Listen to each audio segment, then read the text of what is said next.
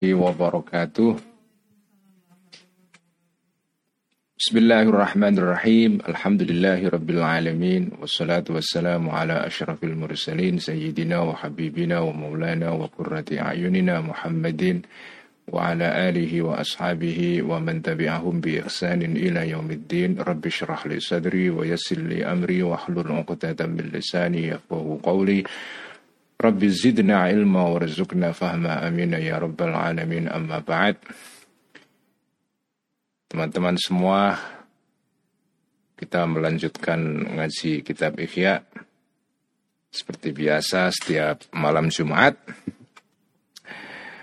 ila ruhi nabiyina wa syafi'ina Muhammadin sallallahu alaihi wasallam wa ila ruwahil anbiya wal mursalin wa ila ruwahil awliya wa syuhada'i was salihin wa la'immatil mustahidin khususan Ruha Sultanil Aulia Asyam Abdul Qadir Al-Jilani wal Imam Al-Junaid Al-Baghdadi wa Hujjatul Islam Abi Hamid Al-Ghazali wa Syekh Al-Akbar Muhyiddin Ibn Arabi wal Imam Abil Hasan Al-Syadili wa ila arwahi awliya illahi ta'ala fi ardi Nusantara khususan arwah wali songo wa wali ila jaddina Muhammad Mutamakin qatasallahu asrarahum wa nawwara dharaihahum وأعاد من بركاتهم ونفعنا بعلومهم وأمدنا بمددهم وإلى أرواح مؤسس وإلى أرواح علمائنا مؤسسي جمعية نهضة العلماء خصوصا روح حضرة الشيخ هاشم أشعري شيخنا كل البنغالان كي رسول الله كي بشي سنسوري كي واحد قصدور كي أسعد كي أحمد صديق كي Kiai Ma'sum, Kiai Ali Ma'sum, Kiai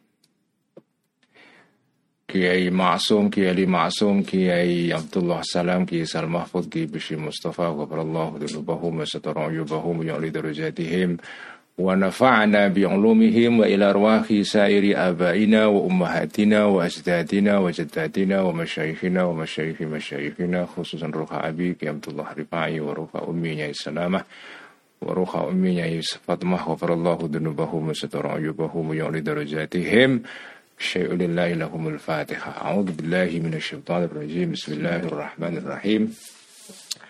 الحمد لله رب العالمين الرحمن الرحيم. مالك يوم الدين. إياك نعبد وإياك نستعين. اهدنا الصراط المستقيم. صراط الذين أنعمت عليهم غير المغضوب عليهم ولا الضالين. آمين.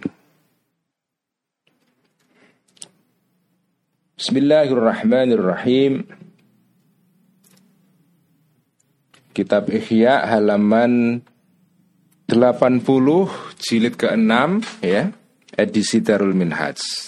Eh, jilid ke-6 halaman 80.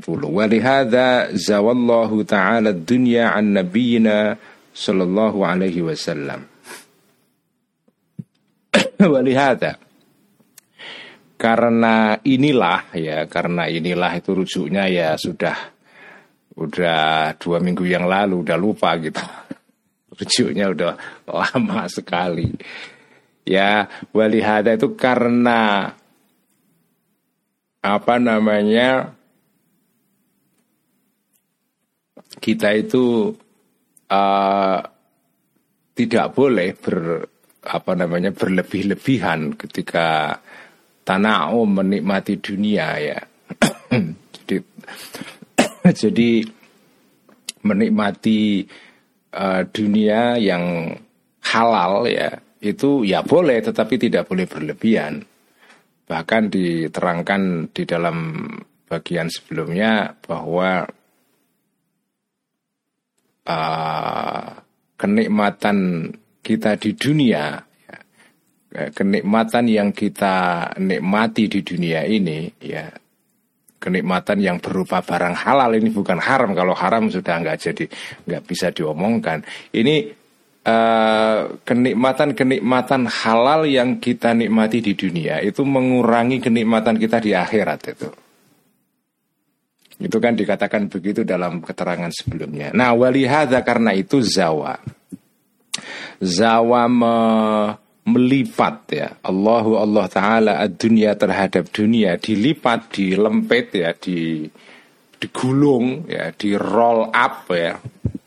An nabiyina dari nabi kita Muhammad Sallallahu Alaihi Wasallam.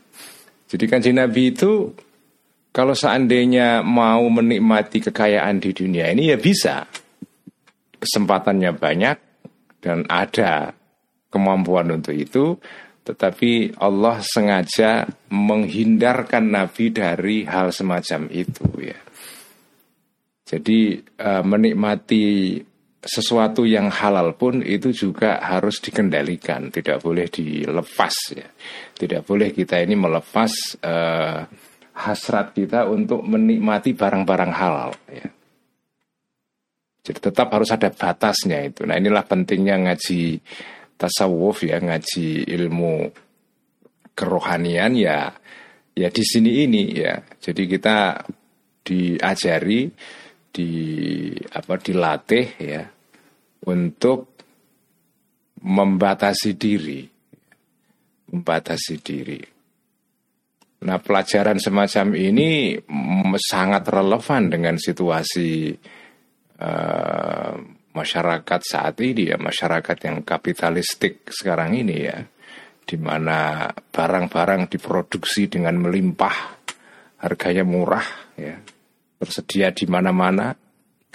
Outletnya dari kota sampai ke pelosok dusun ada semua, ya. Dan ya kebetulan sekarang ini karena apa namanya tingkat daya beli masyarakat kita kan uh, makin lebih baik dibandingkan dengan 10, 20, 30 tahun yang lalu ya jauh lebih baik sekarang ini daya ke, ke, kemampuan daya beli masyarakat sehingga ketersediaan barang yang begitu melimpah dan bisa dijangkau oleh masyarakat membuat orang mengkonsumsi barang tanpa batas itu. Jadi ajaran-ajaran seperti ini relevan di dalam masyarakat yang over over konsumeristik seperti sekarang ini. Walihada dan karena inilah zawa melipat Allahu Allah Taala dunia kepada dunia an nabiyina dari nabi kita Muhammad Sallallahu Alaihi Wasallam.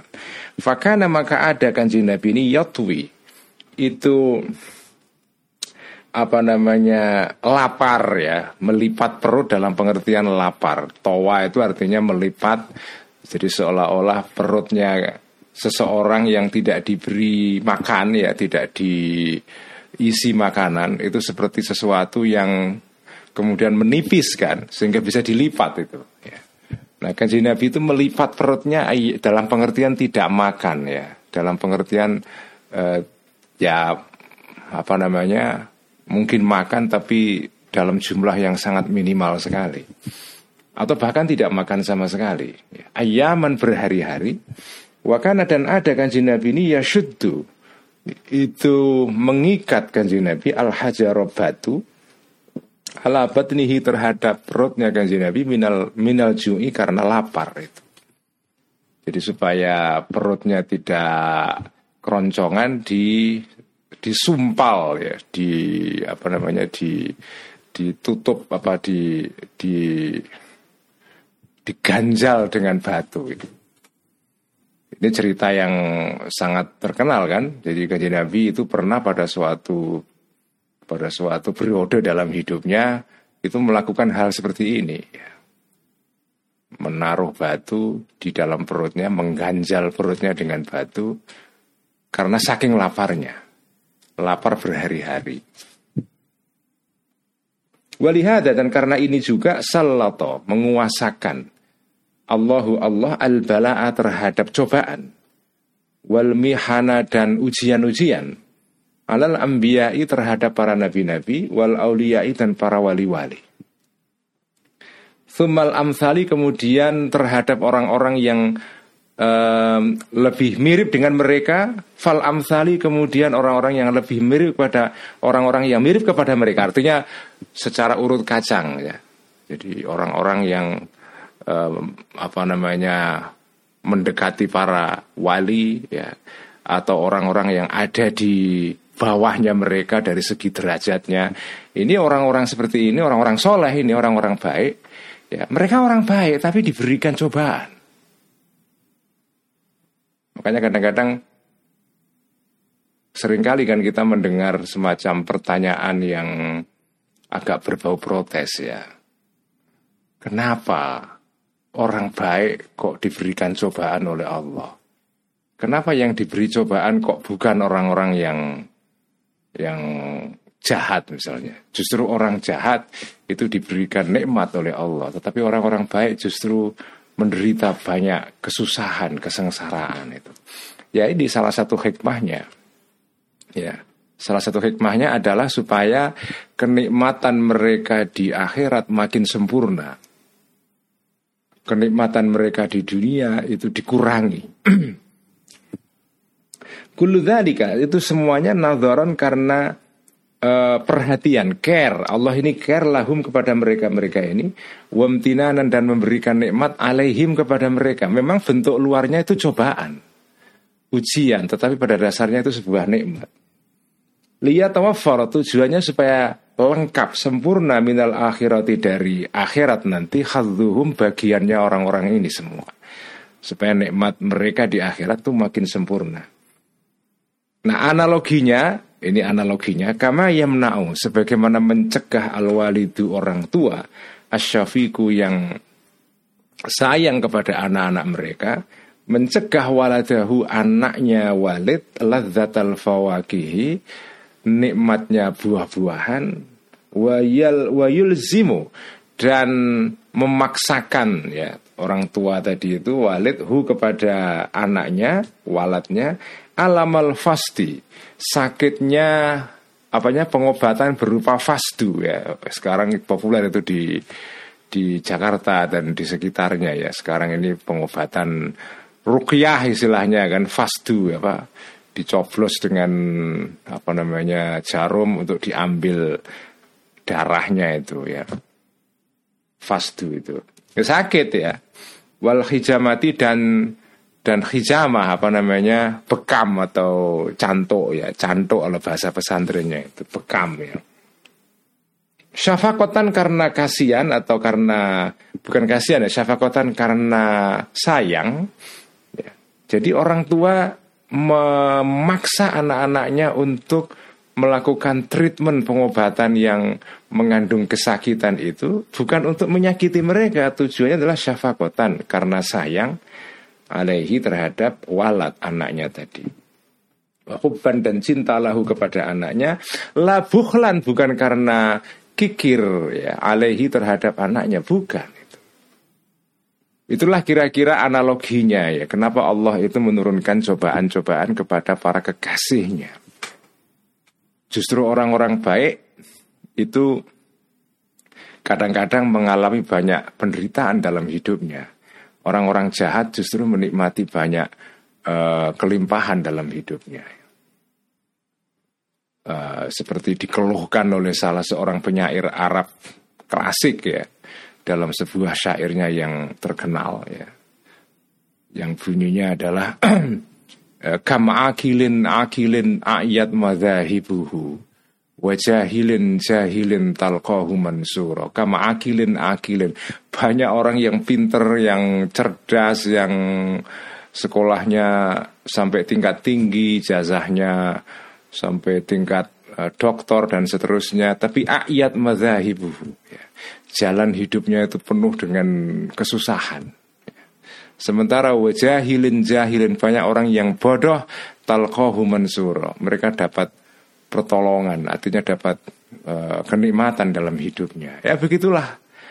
Tidak adil ya kelihatannya tidak adil, tapi kalau kita lihat dari sudut pandang ilmu tasawuf sebetulnya bukan ketidakadilan, tetapi ada hikmah di balik itu ya.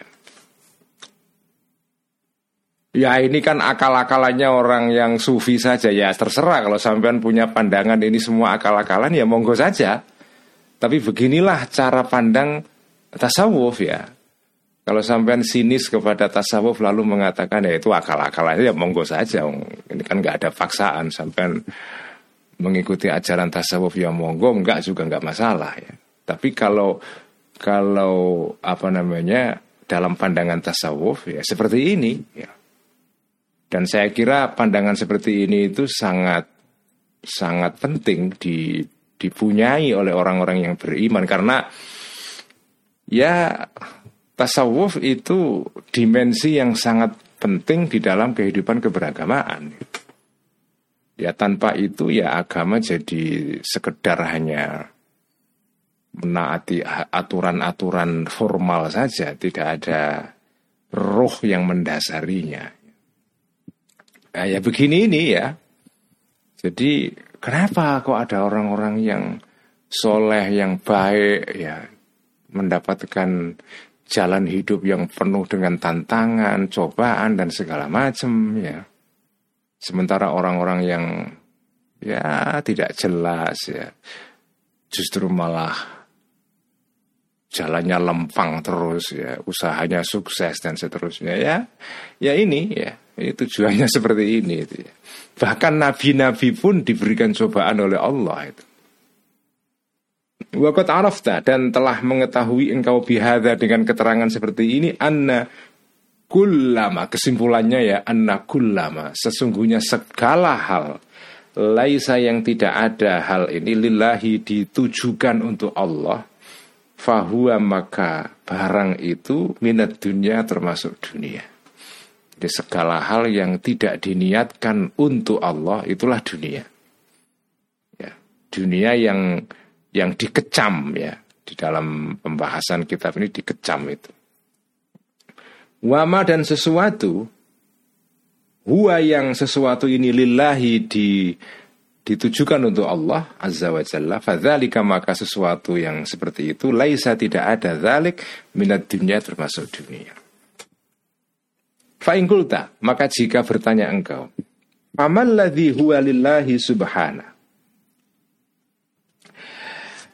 Fama maka apakah alladhi sesuatu huwa alladhi itu lillahi itu bagi Allah subhanahu wa ta'ala Sesuatu yang milik Allah dan sesuatu yang disebut apa tadi itu ditujukan untuk Allah sehingga tidak dianggap, tidak disebut sebagai bagian dari dunia itu apa saja? Pak aku maka menjawab aku Al Ghazali.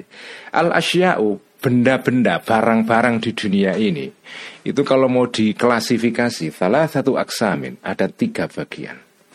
Minha salah satu dari tiga ini ma sesuatu hal-hal La yutasawwaru yang tidak bisa digambarkan hal ini an yakuna ada sesuatu ini lillahi bagi Allah Azza wa Jal. Sesuatu yang tidak mungkin itu milik Allah atau bagi Allah.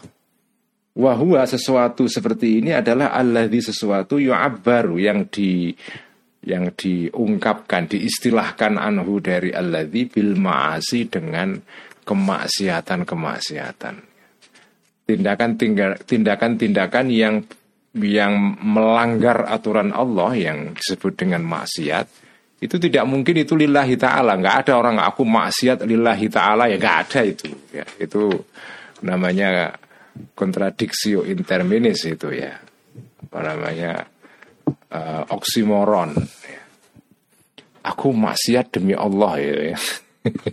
ya nggak bisa. Karena nggak nggak bisa. Kemaksiatan tidak bisa diniatkan untuk Allah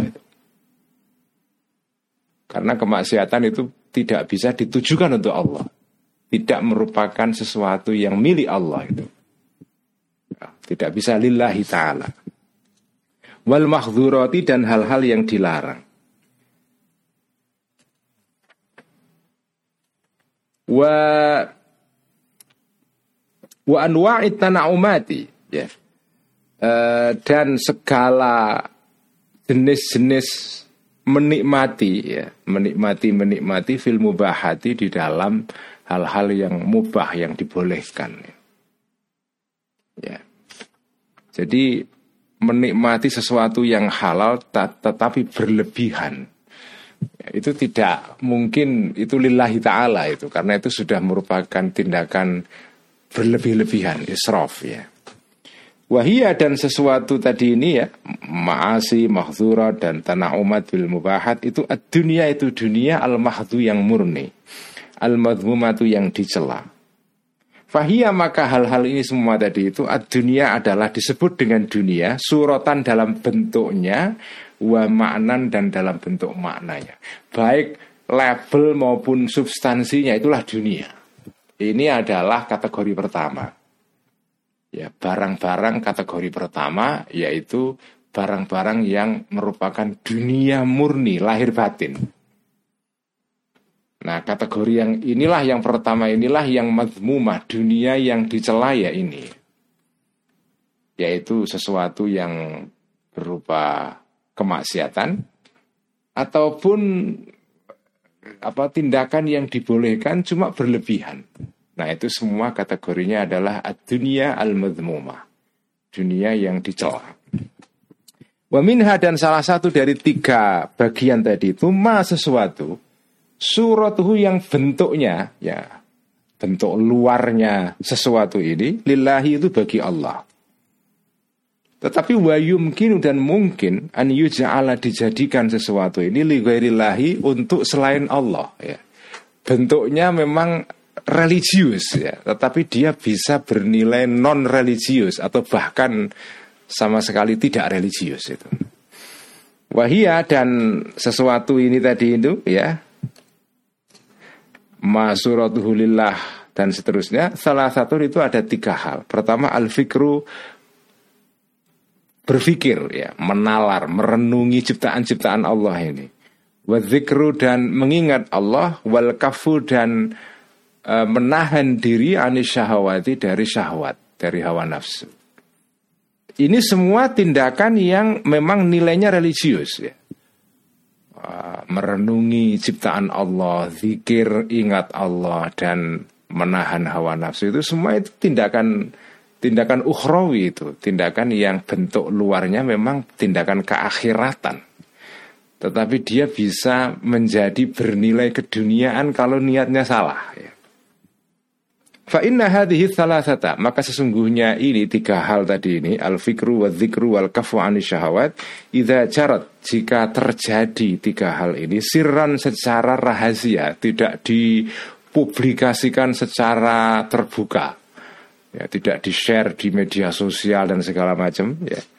Walam yakun dan tidak ada alaiha terhadap tiga hal ini ba'ithun motivasi siwa amrillahi selain perintahnya Allah Ta'ala wal yaumil akhiri dan hari akhir akhirat maka fahiyah maka tiga hal ini lillahi itu bagi Allah. Walaisat dan tidak ada tiga hal yang seperti ini minat dunia termasuk dunia. Itu kalau niatnya untuk Allah.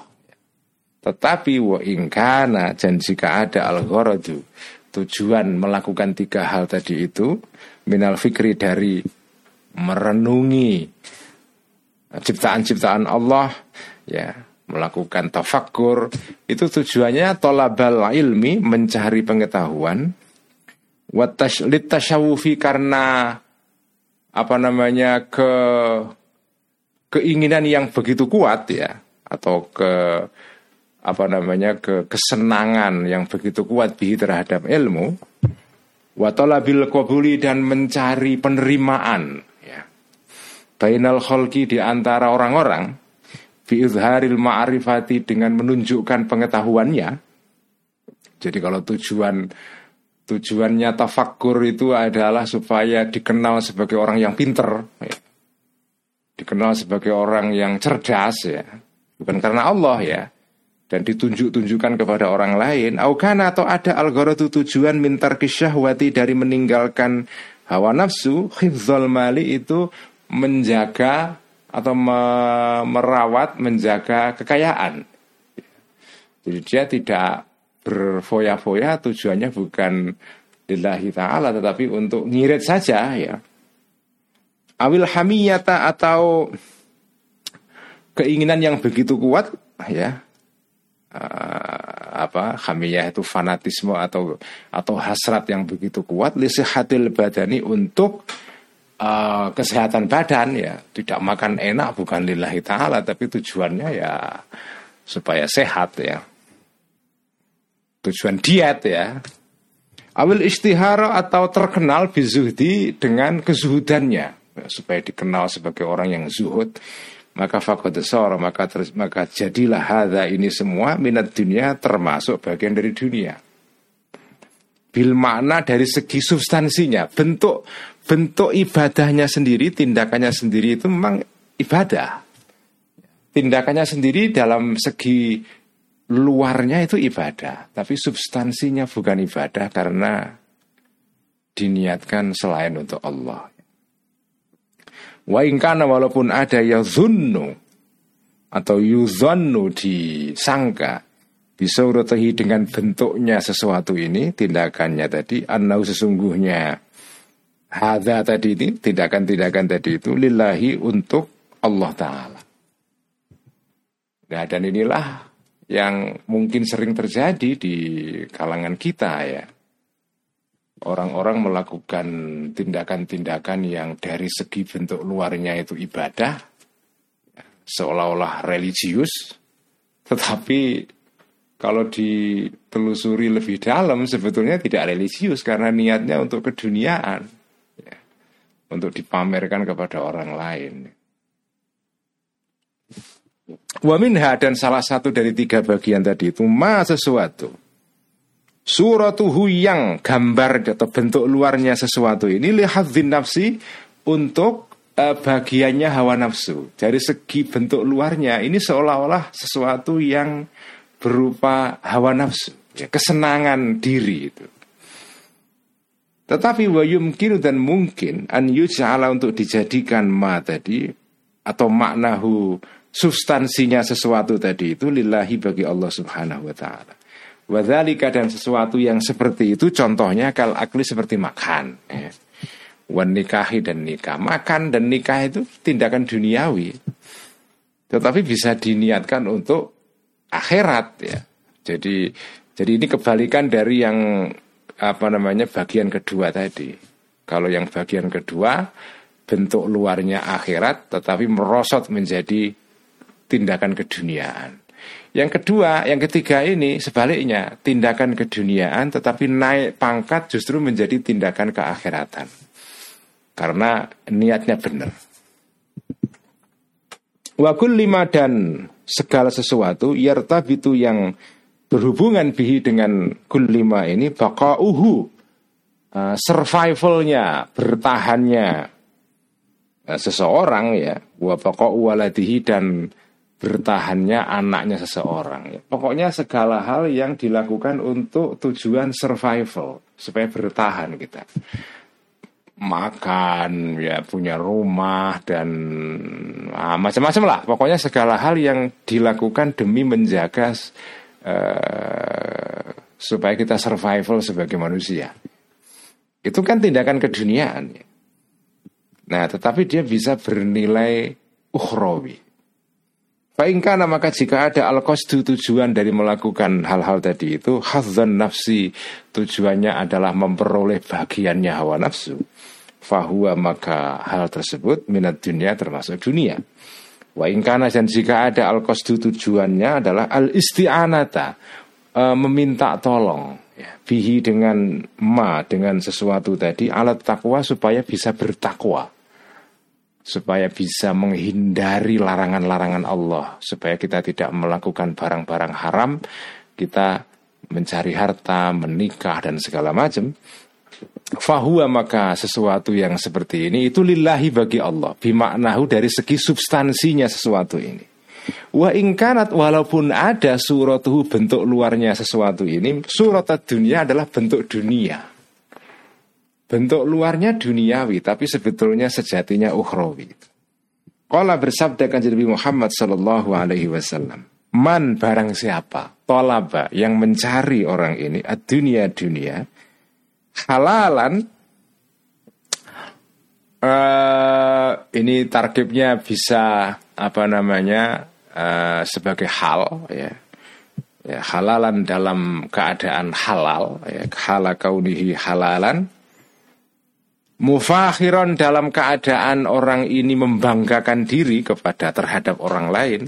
Wa muka mukathiron dalam keadaan ber apa ya berbangga dengan banyaknya kekayaan. Ya. Jadi kalau orang mencari dunia tujuannya adalah uh, halal ini, ya mencari dunia yang halal, tapi tujuannya adalah angga-anggaan, apa angga-anggaan itu, membanggakan diri ber bermewah-mewah ya supaya kelihatan keren di mata orang lain. Laki ya maka akan menjumpai orang seperti ini Allah kepada Allah nanti di akhirat wahua dalam keadaan orang ini bahwa dalam keadaan Allah alaihi terhadap orang ini ghadbanu itu murka. Allah tidak suka kepada hamba yang seperti itu nanti di akhirat. Dan nanti kalau bertemu dengan Allah di akhirat, Allah murka kepada orang seperti ini. Tetapi waman dan barang siapa tolaba menuntut mencari orang ini hak kepada dunia istighfafan untuk menjaga diri anil mas'alati dari meminta-minta. Wasianatan dan untuk menjaga linafsi kepada dirinya orang tersebut, menjaga marwahnya, harga dirinya, maka jaa akan datang orang ini yaumal kiamati pada hari kiamat. Wawazuhu dalam keadaan wajahnya orang ini ini jumlah ismiyah dalam uh, mahalnya nasab sebagai hal kal kamari itu seperti jadi wajahnya bersinar seperti rembulan Lailatul Badri pada saat malam purnama. Jadi jadi ya tergantung niatnya saja ya. Jadi mencari kekayaan itu bisa bernilai ukhrawi, bisa merosot sebagai tindakan yang sepenuhnya duniawi yang tercela. Ya, tinggal mengatur niat kita. Tapi ini bukan niat sekedar nawa itu, bukan begitu. Niat dalam pengertian ya apa ya sikap hati yang beneran jujur gitu loh. Bukan niat kayak niat hanya lesan to ya nawa itu soma godin kayak gitu. Bukan itu. Ya kalau dalam lesan to itu kan bukan niat itu. Ya lesan itu hanya ungkapan dari sesuatu yang ada dalam hati. Jadi kalau hati kita sikapnya terhadap kekayaan itu tepat ya kekayaan yang kita miliki itu tidak tercela jadi intinya adalah saudara-saudara kitab atau pembahasan dalam kitab Ihya ini itu tujuannya bukan kok mengajak kita itu menghindari kekayaan sama sekali enggak ya. Kritik iya ya. Dikritik kekayaan dunia itu dikritik ya. Karena sering kali ya orang-orang itu ter, ter tertipu ya oleh kekayaan alih-alih bisa mengontrol kekayaan, tetapi justru dia dikontrol oleh kekayaannya. Itulah pentingnya apa namanya kritik kepada kekayaan ya seperti itu. Tapi kalau sikap apa mindset kita ya, state of mind apa cara pandang kita tepat, ya nggak masalah itu ya. Tapi ini tapi ini tidak apa ya, tidak mudah ya. Karena yang disebut dengan sikap itu kan sesuatu yang ya bisa diperoleh melalui latihan panjang ya. Nggak bisa wah saya mencari kekayaan tujuannya itu itu kadang-kadang itu hanya ngomong saja tujuannya supaya saya bisa beribadah itu kadang-kadang itu tidak cerminan dari sikap yaitu ngomong saja ini kita tidak bicara soal ngomong sikap ya sikap itu ya sesuatu yang betul-betul ada otentik ya ada dalam dalam hati kita gitu. Fandur maka maka telah ahlah maka renungkanlah kaifa bagaimana ikhtalafa berbeda-beda dalika hal tersebut. Soal dunia ini bil kosti dengan niat dengan tujuan itu. Makanya pentingnya niat ya di sini.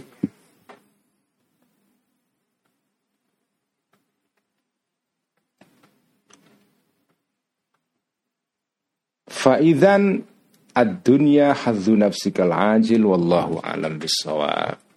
Cukup sekian saja ngaji ikhya malam ini. Kita teruskan malam Senin, malam eh malam Selasa, malam Rebu minggu depan ngaji kitab Al-Iqtisad ya. Mari kita tutup ngaji kita dengan bacaan salawat tibil qulub. Allahumma salli على سيدنا محمد طب القلوب ودوائها وعافية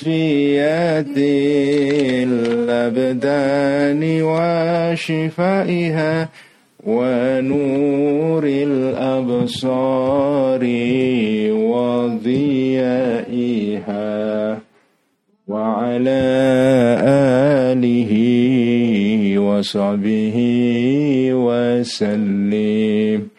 اللهم صلِّ على سيدنا محمد طب القلوب ودوائها وعافية الأبدان وشفائها ونور الأبصار وضيائها وعلى آله وصحبه وسلم. اللهم صل على سيدنا محمد طب القلوب ودوائها وعافية الأبدان وشفائها ونور الأبصار وضيائها. آله وصحبه وسلم Sekian, Assalamualaikum warahmatullahi wabarakatuh. Makasih Mbak Ju, Mbak Titi, Mas Al Haidar,